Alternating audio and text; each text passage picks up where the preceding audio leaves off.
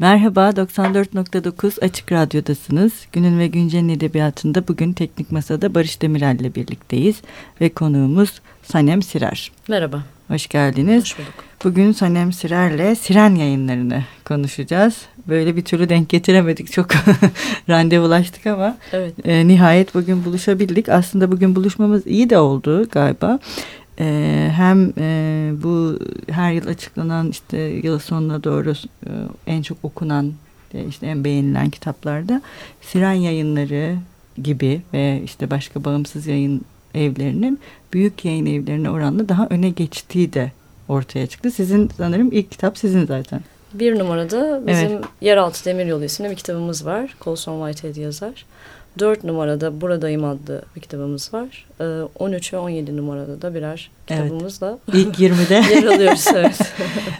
Peki siz nasıl düşünüyorsunuz bunu? Yani ben de onu düşündüm bu seneki listeler açıklandığında. Hem yabancı edebiyat, yerli edebiyatın önüne bayağı geçmiş durumda. Hem de bağımsız yayın evleri e, daha böyle görünür olmaya başladılar. Çünkü siz de bir bağımsız yayın evi olarak e, yolunuza devam ediyorsunuz ve şüphesiz kolay bir şey değil sanırım Türkiye koşullarında bağımsız bir yayın evi olmak. Yani şöyle şimdi büyükler, büyükler, büyükler her zaman baş tacımız. Onlar orada manzaranın önemli birer unsuru olarak mevcut. Ama büyüklerin e, daha ağır kaldığı, daha yavaş kaldığı alanlar var. Mesela nedir bunlar? Yeni metinler, yeni kitaplar, yeni yazarlar vesaire. Büyükler e, aylık olarak işte 6 ila 10 kitap yayınlarken biz belki senede 6 ila 10 kitap yayınlıyoruz. Bizim yayınladığımız kitapların adedi yeni başlık olarak çok daha az. Dolayısıyla farklı bir avantajımız var. Biz e, tek bir kitap bile çıkarsak bir ayda ona odaklanabiliyoruz, onu gösterebiliyoruz, onu parlatabiliyoruz, ona ona dair duyurular yapabiliyoruz. Büyüklerde bu bu gibi e, hareket kabiliyetleri biraz daha kısıtlı. Bu sebeple e, yani bu, neden bu sene bunlar bu şekilde öne çıktı onu ben de bilmiyorum. Bu sene listede ödüllü kitapları görüyoruz daha ziyade. Mesela bizim bir numaradaki kitabımız Yeraltı Demiryolu e, Pulitzer'i aldı. Amerikan Ulusal Kitap Ödülünü aldı. Arthur C. Clarke ödülünü aldı. Yani e, pek çok farklı camia tarafından el üstünde tutulan global anlamda etki sahibi olmuş bir kitap. E, George Saunders var mesela. Man Booker'ı aldı. E, başka neler var listede? Yani buradayım. E, buradayım. Jonathan Safran Foer e, adaylıkları vardı ama aldığı bir ödülü yok. E, totalde yani baktığımızda yurt dışında öne çıkmış olan romanlar buraya da sirayet etmiş. Bu ne anlama gelir? çeviriler, edisyonlar vesaire okur tarafından benimsenmiş ve bu aktarımda başarılı olunmuş olduğu söylenebilir e, yayın evleri açısından. Paul Auster var mesela. Şimdi Paul Auster'ın listede olmaması mümkün değil iki numarada. Evet. E, uzun yıllardır bir roman yazmamıştı ve e, merak ediyordu. E, herkes bunu merakla bekliyordu ve e, epik bir romanla karşımızda. Hmm. Bin küsur sayfalık bir romanla karşımızda. Yani dediğim gibi önceki yıllarda listenin başında Orhan Pamuk bir kitap çıkardıysa, Hasan Ali Toptaş bir kitap çıkardıysa bunlar hep evet, isimle liste, bir bağlantılama Evet liste, liste başına otururdu. Bu sene baktığımızda Hiç çok da tanınmayan yok. ama... Hmm. E, Yerlilerde de öyle aslında. Yani e, bence yerliler de daha tanınanların biraz üstüne, tanınmayanlar tanınanların biraz daha üstüne geçmiş. Biraz sanki yeni arayışlar peşinde gibi okurlar. Evet, evet bunu söyleyebiliriz. Bir de tabii her zaman şey, dünyanın içinde bulunduğu durumla beraber ele almak lazım. Yani bugün bakıyoruz işte e, Amerika'da, Avrupa'da, bizim kendi ülkemizde çok gergin, yüksek tansiyonlu e, savaş, savaş çağı, savaşa işaret eden, gerginliğe işaret eden her an her şey olabilir. Böyle bir e, duygu durumu var. E, o zaman insanlar e, zaman zaman insanlar bir şeylerden kaçmak, zaman zaman da kaçmak değil de farklı Öğrenmek. bir şeylerle avunmak, e, daha derinlikli bir şeylerle kendilerine e, bir e, çıkış yolu aramaya gidiyorlar. O zaman işte tabii kendi fikrimce iyi edebiyat biraz daha öne geçiyor. Evet evet ben de buna kesinlikle katılıyorum. Hı hı. Peki biraz sizden bahsedelim. Siren yayınları ne zaman kuruldu? Neler yapıyorsunuz? Biraz öyle başlayalım sonra da kitaplarınıza geçelim. Biz Siren Yayınları'nı 2007 yılında kurduk. 2007 yılının son aylarında kurduk. Ee, küçük bir ekibiz. Ee, küçük bir ekip olarak kurduk ve küçük bir ekip olarak kalmayı seçtik. Ee, çeviri edebiyat odaklıyız. Bu da e, ne anlama geliyor? Yani kitaplarımız şu anda sadece dünya dillerinden e, çeviri e, olmak üzere sıralanıyor. Ama yerli yazarların metinlerini okuyoruz. Ee, okuyoruz derken yani ileride Takip yayınlamak ediyoruz. üzere, yok ileride yayınlamak ha, üzere tamam. bize gelen metinleri değerlendiriyoruz. Ha, öyle böyle metinler bir, de geliyor yani. E, elbette. Hı -hı. Böyle, böyle bir planımız da var. Ama işte bu konuda işte ne zaman derseniz ona dair bir şey söyleyemem. Çünkü e, bağımsız bir yapımız var. Az sayıda kitap yayınlıyoruz. Yayınladığımız kitaplarda inceleyip sık dokuyoruz. Dolayısıyla hani burası e, belli kaygılar doğrultusunda, belli editoryal kaygılar doğrultusunda idare edilen bir yer. Hı. Çalıştığımız e, birkaç yerli yazarımız da var gene ileriye yönelik olarak ama e, çağdaş edebiyatta öne çıkan yeni sesler veya e, öne çıkmamıştır da bizim kendi keşfimizdir. Yani Tabii. biz bir metin okuyup Hı. çok beğenmişizdir. Evet. E, genel olarak çağdaş ağırlıklı bir yayıncılık e, çizgimiz var ve bu çağdaşları gene kendi çağdaş öncülleriyle yan yana koymaya çalışıyoruz. Mesela hmm. Amerikan edebiyatından öne çıkan yazarlar yayınlıyoruz. Dave Eggers, Jonathan Safran Foer vesaire. Bunlarla beraber Jack Kerouac'ın bütün kitapları bizim yayın evimiz tarafından yayınlanıyor. İşte Henry Miller mesela. Evet. E, bu gibi öncüleri gene e, ama çok da eskiye gitmemek hı hı. üzere e, çizgimiz bu doğrultuda okur okur kitlemizde e, genççe diyeyim. Hı hı. Yani e, gene edebiyat takip eden. E, on, Ama iyi edebiyat takip iyi edebiyat eden takip yani. eden. 15-45 yaş arası bir şeyimiz var. Ağırlığımız var. Şimdi yeni TÜYAP'tan da çıktığımız için onu hmm. gene tekrar söyleyebiliyorum. Bu, bu doğrultuda bir yayıncılık yapıyoruz. Peki mesela bağımsız bir yayın evi olarak e, daha önce Türkiye'de duyulmayan yazarların ilk kitaplarını Hı. basmak yani bir risk mi yoksa aslında bu yayıncılık açısından iyi bir hamle olarak da değerlendirilebilir mi?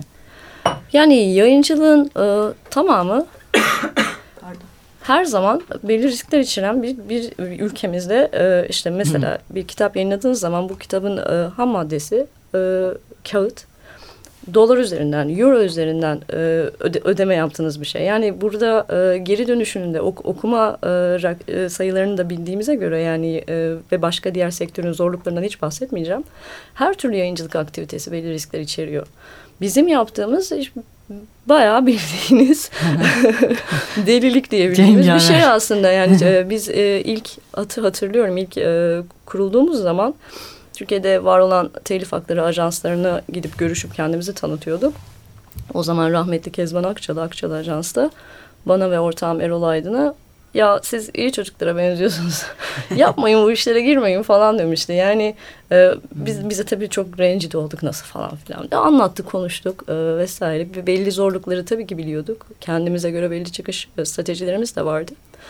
E, diyeceğim şey evet yani siz eğer ee, burada bizim ne gibi zorluklarımız var? Okurumuz biraz muhafazakar e, her anlamda. Yani yeni bir şeyi tanıttığınız zaman e, şüpheyle yaklaşıyor. Sizin tanıtımınızla değil de tanıdığı birinden duyarsa ben bu kitabı okudum çok güzel. Kulaktan kulağa mesela bu sistem işler burada. Ben şimdi çıkarttığımda atıyorum telifsiz bir yazar mesela Kafka. Kafka'ya dair bir şey yapmama gerek yok. Ben Kafka'yı Kafka'yı zaten herkes tanıyor. Bu sebeple de bakıyorsunuz mesela işte çok satanlar listesine bakın. Stefan Zweig.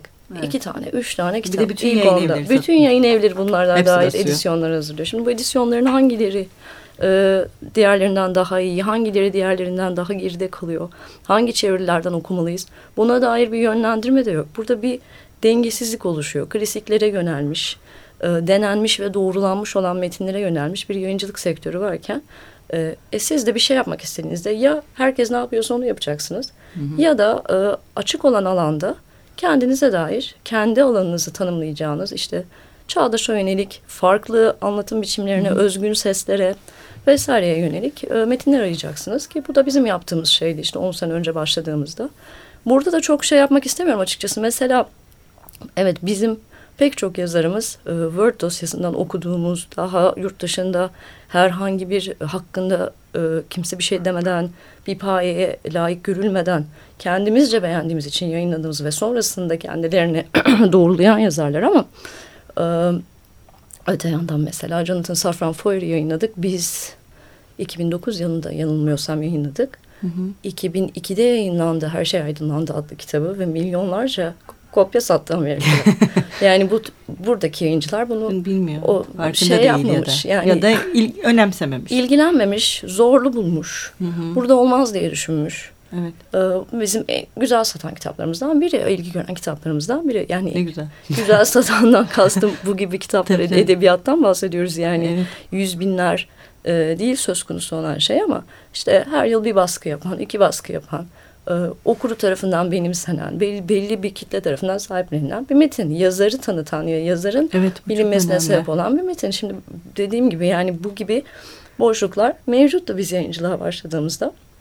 Biz de buradan e, yol aldık. Sanırım şey de önemli değil mi? Böyle bağımsız bir yayın evi olurken bir kimlik edinmek. Yani hmm. bir e, o kitaplarla aslında yayın evinin bir kimliği oluşuyor. Evet. Ve o aslında yayın evini daha öne çıkaran bir şey haline de dönüşebilir. Evet mesela bugün Siren Yayınları'nın dediğiniz gibi bir kimliği var. Siren Yayınları denildiğinde artık okurun e, ne diyeyim nezdinde bir e, kimlik den dolayı Hı. neler basılıyor ya da bu yayın evine gittiğimde ben ne tür yazarlarla karşılaşabilirim beni ne tür bir edebiyat bekliyor bunu biliyoruz biz bu da evet. önemli bir şey sanırım evet elbette işte az önce bahsettiğim şey var ya bu kulaktan Hı. kulağa etkisi arkadaşım sevdiğim bir arkadaşım güvendiğim birisi bana bir kitap öneriyor işte aslında bizim de hedeflediğimiz şey evet. yayın evini bir referans noktası haline getirmek. Yani siz bu yazarın adını duymamış olabilirsiniz. Bu yazarın Hı. dair herhangi bir markör olmayabilir. Hı hı. Yazara dair tek markör yayın evi olabilse ideal dünyada ve o yayın evinin sırf onu yayınlamış olmasıyla okurun ilgisini çekebilse işte işte bu bu bizim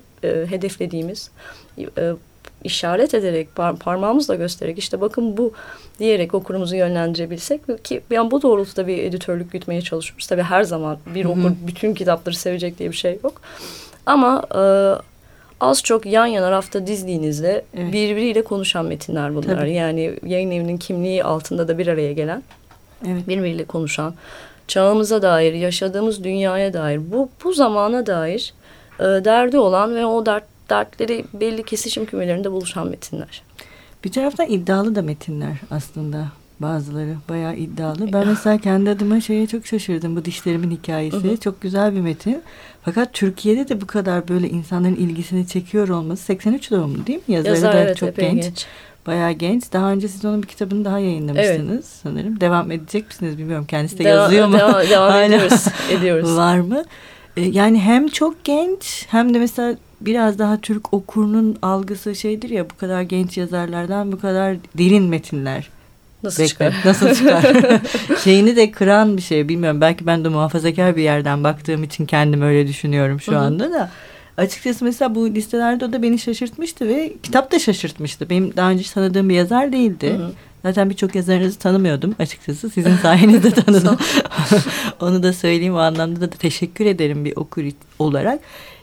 Yani e, Peki editörleriniz genç mi? Yani bu genç okura hitap eden e, kesimi e, bulmak işte diyorsunuz ya 15 ve 45 yaş arasında bir okur... E, Editörlerimiz de o yaş onda değil.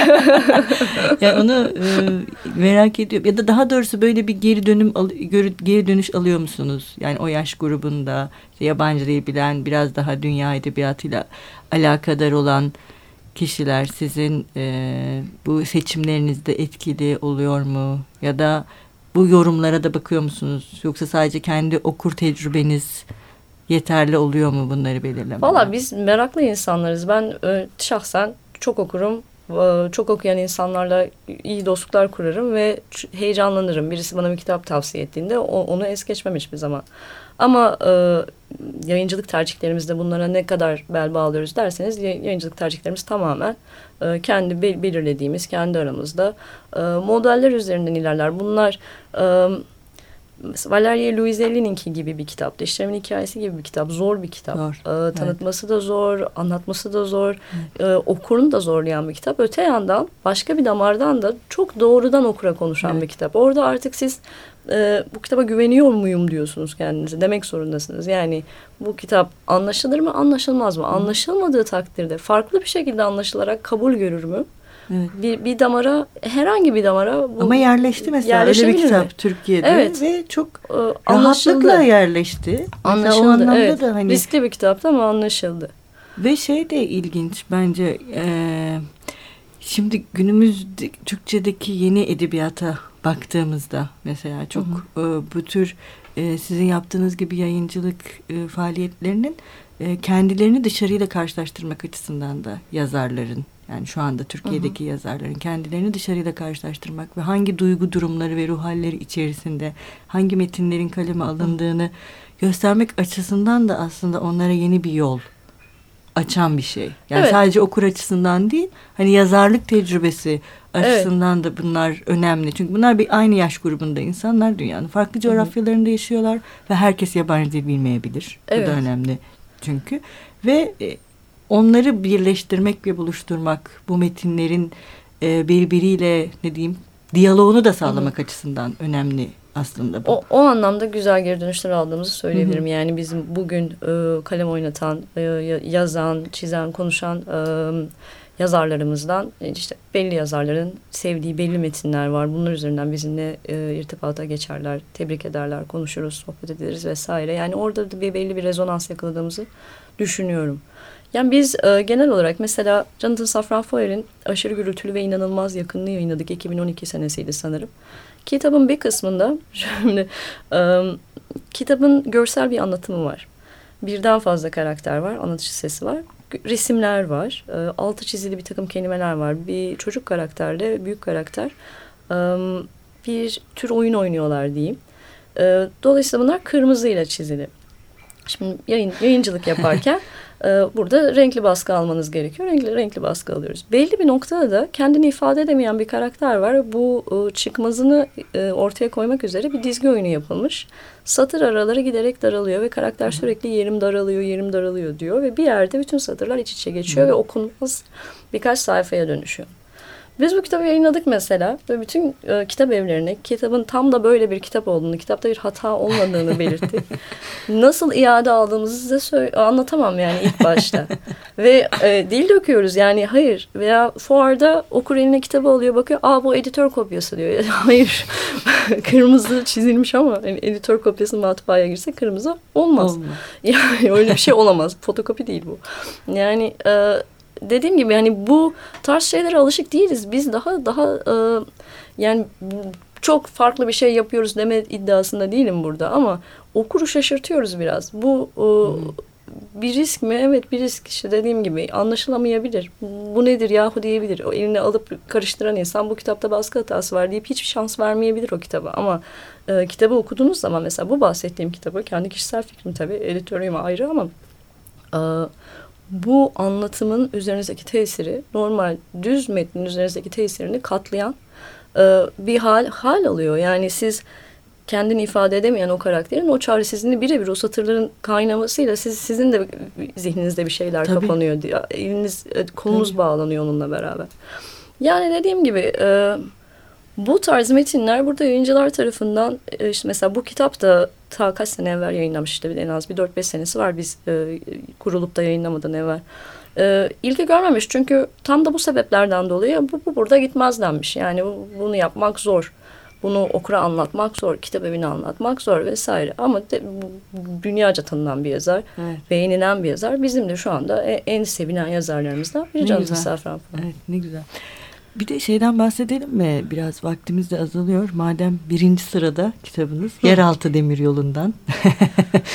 onun sizdeki macerası nasıl oldu? Gerçi onun da daha önce başka kitabını bahsedin. Evet. E, Yeraltı Demir Yolu Colson Whitehead'in bir romanı. Colson Whitehead'in e, Asansör adlı bir romanı yayınlanmış seneler önce Doğan Kitap tarafından. Hmm. Doğan Kitap yazarı bırakmış. Biz e, Bölge Bir adlı bir romanını yayınladık ve ilgi gören bir kitabımız değildi e, zor da bir kitap. Dünya çapında da ilgi görmediğini yani hmm. söyleyebilirim. Edebi bir zombi romanı ama zombi zombi adıyla geçmiyor. Olay da bir salgın hastalık yaşanıyor New York şehrinde. E, bu salgın sonucunda e, insanlar e, leşler ve kopuklar dediğimiz işte kimileri leşler saldırgan, kopuklar da katatonik bir hale girmiş etrafta dolaşan e, enfekte insanlar ve geri kalanlar Geri kalanlar şehri yeniden yapılandırmaya uğraşıyorlar. Tamamı e, metaforik bir, bir roman aslında ve tüketim kültürüne, günümüz dünyasına çok e, sivri eleştiriler getiren enteresan bir metin. Ama dediğim gibi kolay bir metin değil ve işte zombiciler fazla edebi buluyor. Edebiyatçılar da fazla popüler buluyor. O yüzden iki arada bir derede kaldığı için çok ilgi görmüş bir roman değil. Bu Yeraltı Demir Yolu'nu e, ben e, ilk okumaya başladığım zaman çok çok net hatırlıyorum. Bir 8-10 sayfa okudum sanırım. Yani ilk bölümünü okudum. Acarya adlı bölümü. Ve e, nabzım hızlandı. Yani bu çok iyi bir metin. Bu, bu metin söylediği şeyi müthiş müthiş güçlü söylüyor. Ve bu noktada e, evvelki kitapla ne kadar her ne kadar başarılı olamadıysak da yani kendi adımıza e, bu kitapla bunu tekrardan denemeliyiz diye düşündüm. Sonrasında da zaten e, kitap e, Amerika'da ilk başta olmak üzere büyük ilgi gördü. İşte Avrupa ülkelerinde vesaire. Bunun tabii oradaki kültürel iklimle de alakası var. Bu kitap e, kölelik zamanında geçiyor. E, bir köle kadının hikayesini anlatıyor. Köleleştirilmiş bir kadının hikayesini anlatıyor. E, bunu yaparken e, ustaca ve zekice bir türü var. E, gerçek dünyada olmayan bir şeyi, bir e, demir yolunu, bir, yeraltı demir yolu dediğimiz bir network var kölelerin kaçarken birbirlerine yardımlaşmak için kullandıkları. Ama yazar bunu e, somut bir demir yolu olarak tahayyül etmiş. E, ve bizim kahramanımız bu demir yolunda belli seyahatler yaparak e, kendi kaderini belirlemeye çalışıyor diyeyim. Yani böylelikle bir bilim kurgusal bir unsur da var aslında E, Amerika'nın şu anda içinde bulunduğu durum ee, bütün dünyanın Trump'ın e, birebir e, söylemleri vesaire yani ona karşı bir muhalefet olarak kitap aslında benimsendi öncelikle ama gerçekten güzel bir metin, iyi bir metin. Burada da ilgi görmesi şey gibi, Orwell beni gibi. çok sevindirdi. Evet, Direkt mesela Orwell gibi evet. eskimiyor. Eski Eskimeyecek. ama eskimiyor. Eskimeyecek yani. yani büyük e, dünya değişiyor veya Margaret Atwood gibi. Evet, dünya evet. değişiyor öyle bir şeyler oluyor ki birden unutulmuş köşeye, hmm. kenara köşeye alınmış bir yazar birden hop Evet. Ona karşılık geliyor. Karşılık geliyor. Halini. Oraya oturuyor. İşte klasik dediğimizde budur zaten. Tabii, yani. ee, şimdi bitirirken şeyden bahsedelim. Neler var sizin e, yeni çıkaracağınız kitaplar? Biraz onlardan da bahsedelim. Valla yayın programımızda güzel kitaplar var ileri, ileriki aylar için. Jack Kerouac'lara devam ediyoruz. Kerouac'ın bütün külliyatı bizden yayınlanacak. Hepsini bitirecek ee, misiniz? Valla öyle gözüküyor. Ne güzel, ne güzel. öyle gözüküyor. Yani e, daha önce hiç yayınlanmamış metinleri var. E, hmm. Çeviri açısından zorlu metinleri var ama 2019'a e, kadar sanırım. 2019-2020'ye kadar bunları yayınlamış olacağız. Kerouac'lar dışında Lucia Berlin diye bir yazarımız var. Benim çok sevdiğim e, bir yazar e, öyküleriyle yer alacak. Muriel Spark yine klasik bir yazarımızın yeni, yeni kitaplarıyla programda yer alıyor. Don DeLillo var. E, Don DeLillo'nun da bu az evvel bahsettiğimiz eski olup da eskimeyen yazarlar kategorisinden söyleyecek çok şey olduğunu düşünüyorum çağımıza hmm. dair. kaldı ki yeni romanı Zero K henüz ismi Türkçeleşmedi. Zero K ile programa girecek ama eski kitaplar da gelecek. Ee, bunların dışında David Foster Wallace var her zamanki gibi. Ee, bir de e, Yoko Tawada isimli bir yazarımız var. Ee, bir kutup ayısının anıları. Bu kitap için hmm. ben şahsen çok heyecanlıyım. İlk defa mı Türkçe'de yayınlanacak? İlk defa Türkçe'de yayınlanacak. Almanca yazan Japon bir yazar. Hmm. Üç jenerasyon kutup ayısı üzerinden bir e, Avrupa tarihi gibi.